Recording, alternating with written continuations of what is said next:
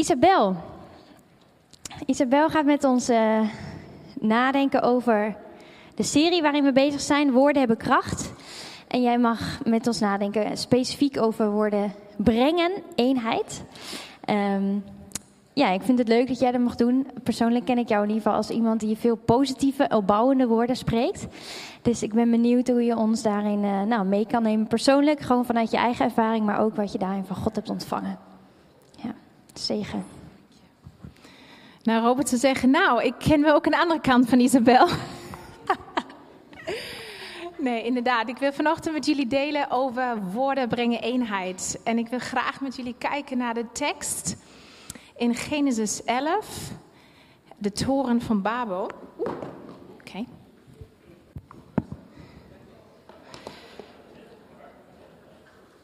Maar voordat ik de tekst met jullie ga lezen, wil ik even iets vertellen. Want in dit verhaal over Babel gaat het om een. Op het einde lezen we dat het een taalverwarring gaat plaatsvinden. En ik woon inmiddels zeven jaar in Nederland en nog steeds gebeurt het ook bij mij dat ik verwaard ben of dat er een taalverwarring plaatsvindt. En vooral als mensen grapjes maken of oude gezegdes gebruiken, dan zit ik soms zo te kijken. Ik heb geen idee wat je zegt. Dus als je soms tegen mij blijft praten en ik zit te kijken, dan moet je misschien even denken: misschien heeft ze niet helemaal door wat ik zeg. Maar goed. Maar de grootste uitdaging voor mij is als diegene met die ik praat ook niet echt uit Nederland komt, maar wel hier woont. Dus het is niet de moedertaal, net als voor mij. En ik moest eraan denken, afgelopen tijd had ik eh, met een hele gezellige buurman van ons was ik aan de praat. En we wonen in een hele leuke multiculturele buurt, voel ik me helemaal thuis. En ik was met hem aan het praten. En hij ging maar door en ik eh, keek hem aan en ik dacht, hij komt mij ook ergens bekend voor hij lijkt echt op iemand sprekend. Maar goed, we gingen praten over alles. En ineens besefte ik mij, ik was aan het luisteren, soort van. En ja, hij lijkt op een dokter in het ziekenhuis. Oké. Maar goed, we gingen doorpraten en wij, pra wij gingen over familie, kinderen en alles doorpraten. En ineens zegt hij tegen mij, heeft het over zijn kinderen gezegd, ik heb drie dokters. Ik denk, oh, heeft echt iets goed gedaan. Goede opvoeding. Wauw, dus ik zo heel enthousiast kreeg. Ja, mijn vader is ook dokter. En hij keek me aan. Nee, ik heb drie dokters. Drie dochters. Ik denk, oh, dat kan dus gebeuren als je eerst maar niet goed zit te luisteren, Isabel, omdat je aan iets anders denkt en omdat, uh, omdat je niet dezelfde taal eigenlijk oorspronkelijk spreekt. Dus dan kan het gebeuren dat dan taalverwarring is. Maar dat gebeurde dus ook hier in Babel, of bij de toren van Babel. Wil ik graag met jullie lezen Genesis 11, versen 1 tot en met 9.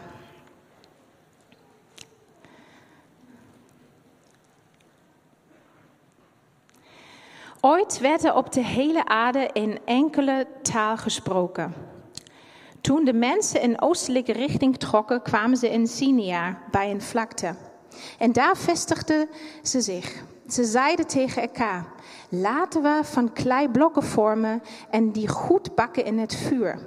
De kleiblokken gebruikten ze als stenen en, aard, en aardpek als eh, spectie. Ze zeiden: Laten we een stad bouwen met een toren die tot in de hemel reikt. Dat zal ons beroemd maken. En dan zullen we niet over de hele aarde verspreid raken. Maar toen daalde de Heer af om te kijken naar de stad en de toren die de mensen aan het bouwen waren. Dit is één volk en ze spreken allemaal één en dezelfde taal, dacht de Heer. En wat ze nu doen is nog maar het begin. Alles wat ze verder nog van plan zijn, ligt nu binnen hun bereik. Laten we naar hen toe gaan en spraakverwarring onder hen teweeg brengen, zodat ze elkaar niet meer verstaan.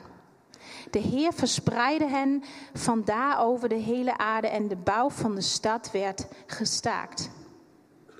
Zo komt het dat de stad Babel heet, want daar bracht de Heer verwarring in de taal die op de hele aarde gesproken werd en vandaar verspreidde hij de mensen over de hele aarde.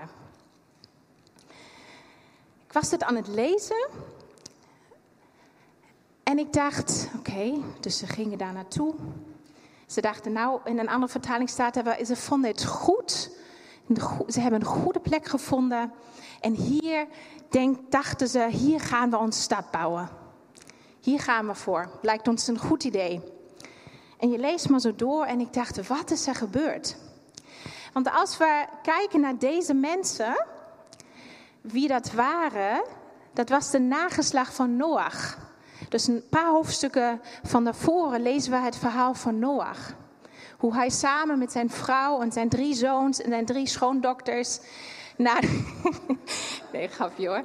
Maar hoe hij die ark ging bouwen en hoe God hun had uitgekozen en de rest van de wereld ging vernietigen. En we lezen over Noach dat hij met God wandelde. Dat God hem specifieke aanwijzingen gaf wat hij moest doen. En een paar hoofdstukken verder, dus een paar generaties verder hier, lees ik helemaal niks over God leidt hun naar dit gebied. En God sprak, hier mogen jullie een stad gaan bouwen. Dus ik vroeg mij af, wat is er gebeurd? Wat is in die tussentijd gebeurd? En ik ging lezen en eind hoofdstuk 9 lezen we, daar is Noach al met zijn familie samen op de, dat was na de watervloed, op het land aangekomen. En we lezen daar dat Noach dronken was. En wat gebeurt er? Een van zijn zoons, Gam, die vindt hem. Je schrikt helemaal. Gaat naar zijn broers toe, gaat naar Sam en Jafet en zegt, nou die oude is helemaal gek geworden, is helemaal dronken, ligt daar in zijn nakkie. En uh, hij is helemaal geschrokken. En wat doen Sam en Jafet? Ze gaan naar hem toe, ze nemen een deken en zij leggen die deken over hem heen. En Noach slaapt. En dan wordt hij wakker en hij is kwaad. Hij is zo boos. Hij is zo boos op Gam. Waarom? Ik denk, ik interpreteer waarschijnlijk schaamde hij zich. Waarschijnlijk was hij zo moe van al, die, van al het jarenlang bouw van zo'n boot. Maar hij, hij was helemaal kwaad op zijn, een zijn, van zijn zoons, op Gam. En wat gebeurde daar? Wat deed hij? Wat deed Noach? Hij vervloekte zijn zoon. Hij zei, jij Gam, Jij zal vervloekt zijn. Jij en jouw nakomelingen zullen slaven worden van je broers, van Sem en Jafet. Wat heftig. Noach sprak woorden van dood uit over zijn zoon. Zo'n voorbeeld voor woorden hebben kracht voor de invloed die, een vader op zijn kinderen heeft over die woorden die hij uitspreekt. Vond ik best heftig. Maar dan besefte ik mij, dus dat was er gebeurd. Dus het gevolg van die vervloekende woorden van Noach, die negatieve woorden van een vader naar zijn kinderen toe, heeft ertoe geleid dat ze hun rug gekeerd hebben van God. Want ik lees dus hier niet dat ze God gevraagd hebben. Dus die negatieve woorden, die vloeken van een vader, hebben zo'n impact gehad op de volgende generaties. Hebben ongeloof gezaaid. Geen vertrouwen meer in God. Ze gingen hun eigen weg. Ze hadden God niet meer nodig. En nog erger vond ik, want God begon opnieuw met Noach en zijn gezin. Maar toen Noach dat uitsprak, was de slaaf weer geboren opnieuw. En dat vond ik heftig. Dat vond ik heel heftig, want het gevolg van de woorden van Noach was dus dat ze weer slaven, dat de slaven hun weer opnieuw geboren werd. En toen ik naar Nederland kwam, moet ik eerlijk zeggen, schrik ik soms even van de heftige, vloekende woorden die mensen soms kunnen gebruiken hier, om heel eerlijk te zijn. Ik zelf eh, ben er dus in, in Duitsland, ja, zeker zitten daar mensen ook helemaal te vloeken, maar dus in mijn omgeving wat minder. Maar goed, ik dacht, mens, hebben jullie echt een idee wat voor een impact jullie woorden hebben? Maar goed, in mijn eigen leven kwam ik snel achter dat ik ook heel snel vanuit emotie negatieve woorden spreek. En ik heb daar trouwens een heel mooie spiegel, Robert. Die van moeten dan soms even opvangen. Die zegt dan heel snel tegen mij, Isabel, nu ben je heel negatief. Goed zo, want uh, inderdaad, soms laat ik mijn emoties spreken en dan heb ik niet door wat voor een impact mijn negatieve woorden kunnen hebben. Op de mensen om mij heen, op onze kinderen. En daar is Robert een heel mooi spiegel, want ook kan hij zich extreem frustreren, zeker. Maar hij probeert wel geen negatieve woorden te spreken, want het brengt geen leven. Dat breekt af. En dat is ook de conclusie voor de eerste onderdeel die ik met jullie wilde doornemen over deze verhaal hier in Babel. Dat negatieve woorden roven de eenheid. Negatieve woorden roven onze eenheid. Maar hoe kunnen onze woorden dan wel eenheid brengen? Wat kunnen we wel doen, het tegenovergestelde, om leven te brengen? Om eenheid te creëren in onze omgeving? En de Bijbel is daar helemaal vol van. Vooral ook in spreuken staat er heel veel over de kracht van onze woorden. En de, op de tong ligt de macht van leven en dood. Maar ook verder staat er, zo mooi in spreuken 15 vers 4, staat er gezonde woorden zijn als een boom van leven. En verkeerde woorden richten echte schade aan.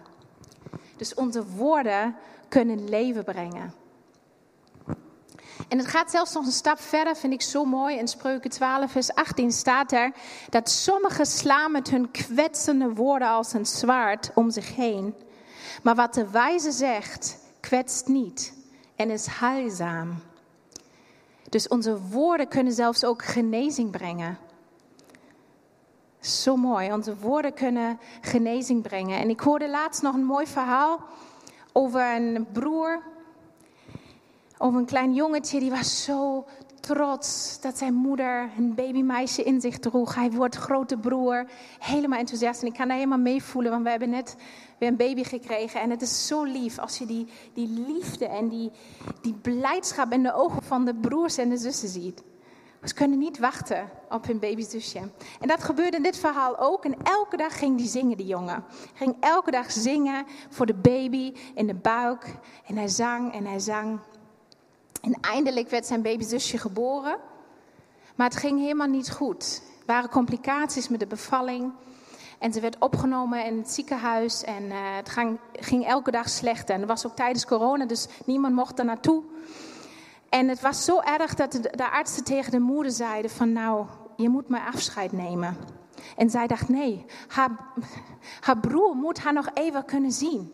Dus ze neemt haar zoon mee, ze gaan naar die baby toe. En wat gaat die zoon doen? Hij gaat zingen voor zijn zusje. En dat had zo'n impact, zo'n kracht.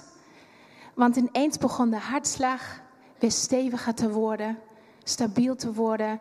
Ze kon beter ademhalen. Het wordt steeds, werd steeds beter met haar. Tot zover dat ze helemaal ging genezen.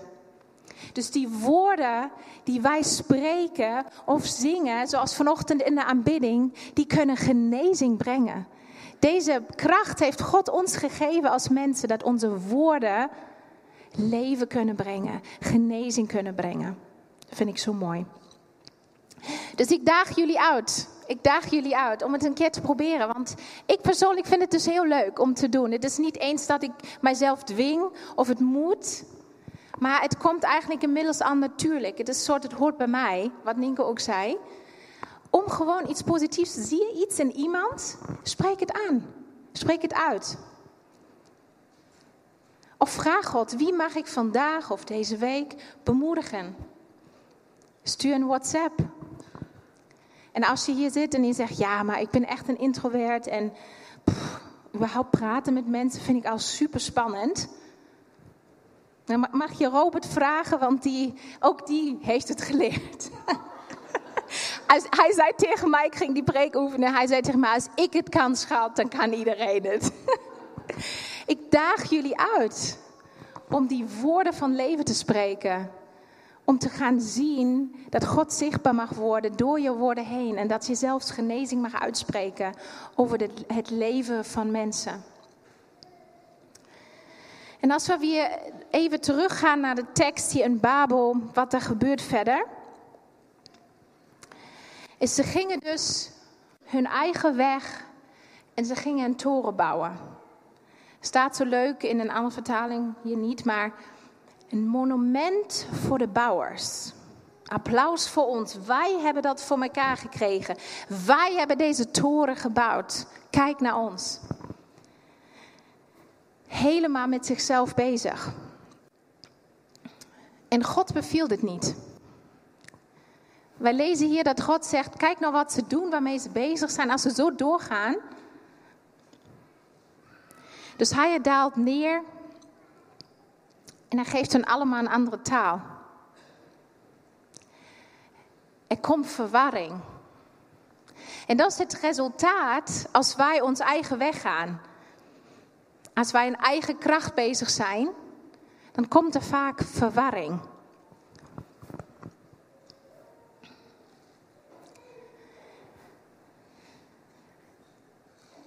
En dat zien we dan om ons heen soms gebeuren. Dat als je je eigen verhaal zo belangrijk vindt en boven een ander verhaal stelt, dan komt er verwarring. Dan zie je alleen maar jouw blik en niet meer de ander en zijn verhaal.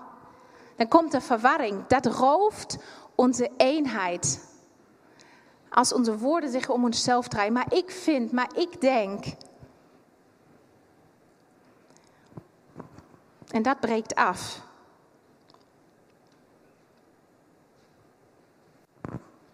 En dat merken Robin en ik ook thuis als we, als we ruzie maken of als we echt helemaal gestrest zijn. Dan, ja, maar jij hebt dit gedaan en ik doe dat. Je, je groeit op elkaar als je altijd met je eigen, ja, maar ik doe dit en jij doet dat. Als je om jezelf draait. In plaats van samen doen. Want dat is hoe onze woorden kunnen eenheid brengen als wij communiceren, als wij zeggen, wij willen het samen doen. Wij willen samen vooruitgaan. Ook hier als gemeente zijn we daarmee bezig om het samen te doen. Om samen stappen te zetten, om ook hebben we zelf allemaal ons eigen verhaal en goede redenen om soms ook teleurgesteld te zijn. Maar dat mogen we soms even naar aan de zijkant leggen en zeggen, maar we willen het wel samen doen. We hebben elkaar nodig. En het zegt Paulus ook zo mooi, als Paulus zegt heel veel in het Nieuw Testament, in zijn brieven, kunnen we ook nog even moedigen jullie aan, als je over eenheid nog meer wil weten, wat in de Bijbel daarover staat, dan lees die brieven van Paulus. Hij geeft specifieke aanwijzingen aan de gemeentes. En hij zegt, in Galaten 6, 2 tot en met 5 praat hij daarover. Dat we elkaars lasten mogen dragen. En in ieder zijn eigen verantwoording neemt. En ik vind dat zo'n mooi beeld. Ik heb dat een keer gehoord van een van mijn favoriete sprekers. En in de originele tekst staat er, de eerste woord, die lasten, we mogen elkaars lasten dragen, is echt zo'n hele zware woord over lasten. Echt zo'n crushing load, dat is de Amerikaanse vertaling uit de originele tekst. Dus echt iets wat je maar drukt, neerdrukt. Dus je verliest iemand, of je bent ernstig ziek. Dan mogen we naar elkaar toe gaan, elkaar dragen. En de laatste deel, het laatste woord, eh, iedereen is verantwoordelijk voor zijn eigen deel, is in het origineel tekst vergeleken met een rugzakje. Dus we alle hebben een rugzakje die we mogen dragen, waar ons familie in hoort, waar ons werk, ons zorgen voor, voor ons huis, onze vrienden, allemaal hoort erin. En dan hebben we de handen vrij. Als we ons rugzakje dragen, hebben we onze handen vrij. Als iemand iets heeft, mogen we elkaars lasten dragen. Maar het probleem is dat we vaak andere mensen die rugzakjes van andere mensen dragen. Dus dan zijn onze handen al vol. Dus als iemand iets heeft, kunnen we eigenlijk niks meer dragen. En zo voelt het soms in een gemeente. Dat er zijn sommige mensen die heel veel doen. En het is heel is echt te gek, echt gaaf, maar eigenlijk veel te veel. En wij willen echt niet dat het ten koste gaat van jouw familie, dat het ten koste gaat van je gezondheid. Daarom is het zo belangrijk en zo gezellig als we het samen doen en iedereen zijn rugzakje draagt. Dus diegenen die nu even misschien zes extra rugzakjes hebben, die weer kunnen afgeven, dan kunnen we met z'n allen weer makkelijker die zware lasten van iemand dragen. Ik vond het een mooi beeld voor samen doen. En jullie weten, we hebben afgelopen week ook zo'n banenmarkt gedaan. Er zijn nog mensen die we zoeken voor bepaalde dingen. Dat is heel mooi. Mensen hebben zich aangemeld. Maar vooral wilde ik ook vanochtend zeggen: heb je iets op je hart, dan laat het ons weten. Wij willen niet altijd zeggen van oké, dat hebben we nodig. Nog vijf mensen en dan zijn we goed en dan is ons plekje weer opgevuld. Kunnen we verder. Nee, we willen tegelijkertijd dat in ieder van jullie tot leven komt, tot bloei komt in deze gemeente. En ziet en uitvindt, wauw, dat is mijn deel. Dat mag ik bijdragen. Dat heeft God op mijn leven gelegd. Dat zit in mijn rugzak, dus het is niet te zwaar. Dus ik kan het makkelijk en vol vreugde inzetten hier.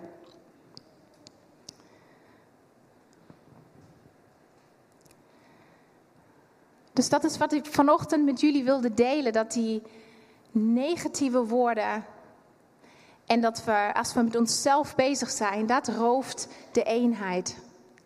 Maar als we woorden van leven spreken.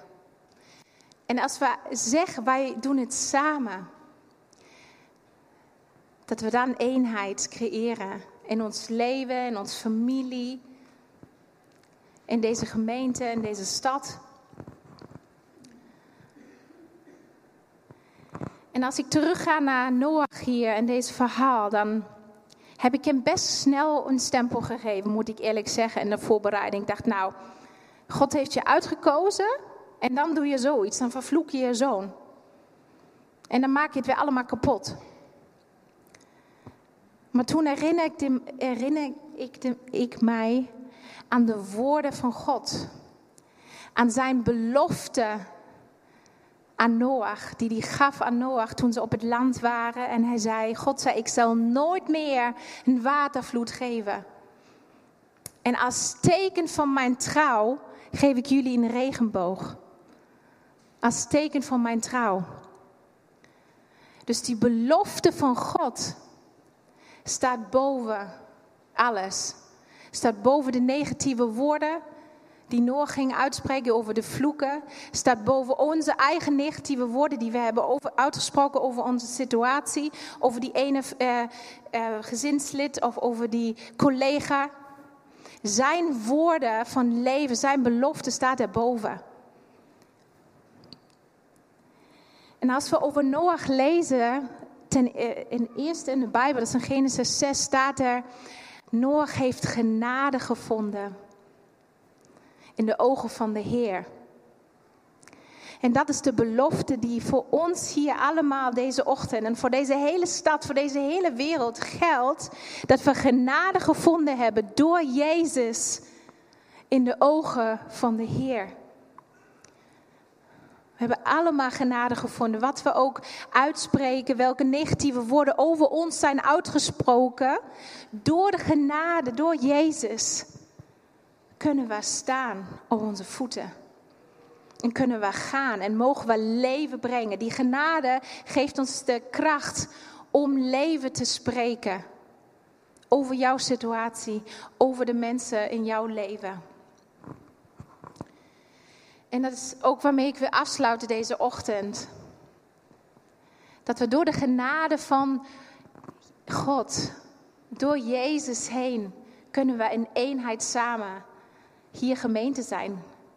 Kunnen we een eenheid ook in ons gezin, op school of op ons werk? Kunnen we leven spreken? En mogen wij het verschil maken? En ik was weer zo geraakt op deze ochtend van de, van de aanbidding van Berry en Annette en Estie en Esther en Ruben en allemaal. Dat ze zo zich hun tijd geven. Noah weer erbij. En die nummer, die raakt me elke keer weer de roekeloze liefde van God. Dat is wie God is. Dat is wat Jezus heeft mogelijk gemaakt. Hij kijkt naar ons. God de Vader met zijn liefdevolle ogen. Hij gaat muren afbreken. Hij gaat licht schijnen in het duisternis om ons te vinden. En dat is de boodschap die wij op, over ons leven mogen uitspreken. Wat er ook gebeurt. Ik ben gezien en geliefd en gekend. En dat is wat we mogen uitspreken in onze omgeving. Woorden van leven. En dan wil ik ook met jullie bidden. Dank u Jezus voor deze ochtend, voor uw woord. Dat uw woord brengt leven in ons leven. Uw beloftes staan boven alles wat mensen ooit hebben uitgesproken. En uw liefde breekt door ons muren heen. En waar we door alles wat gebeurd is, slaven zijn geworden. Wilt u ons vanochtend weer opnieuw vrijzetten? Heer, ik bid echt als er mensen zijn deze ochtend die door de woorden van mensen, door dingen die gebeurd zijn, slaven zijn geworden van angst. Dat die opnieuw in de vrijheid komen, Heer. U spreekt woorden van leven uit over mensen. En vergeeft u ons waar wij zo makkelijk negatieve woorden spreken, waar we mensen afbreken door onze snelle, ondoordachte woorden, Heer. Heer, we willen een verschil maken en wij willen een kerk zijn waar we openstaan. Zodat mensen binnen kunnen komen en u zien en uw waarheid horen. En waar woorden van leven gesproken worden, Heer.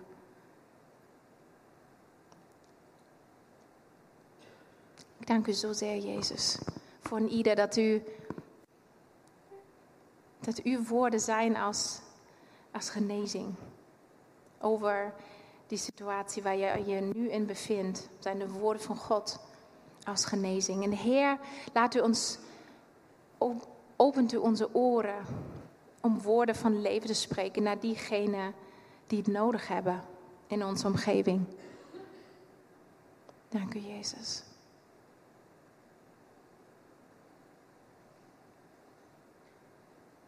Misschien kan de band ook naar voren komen en kunnen we ook nu de tijd nemen om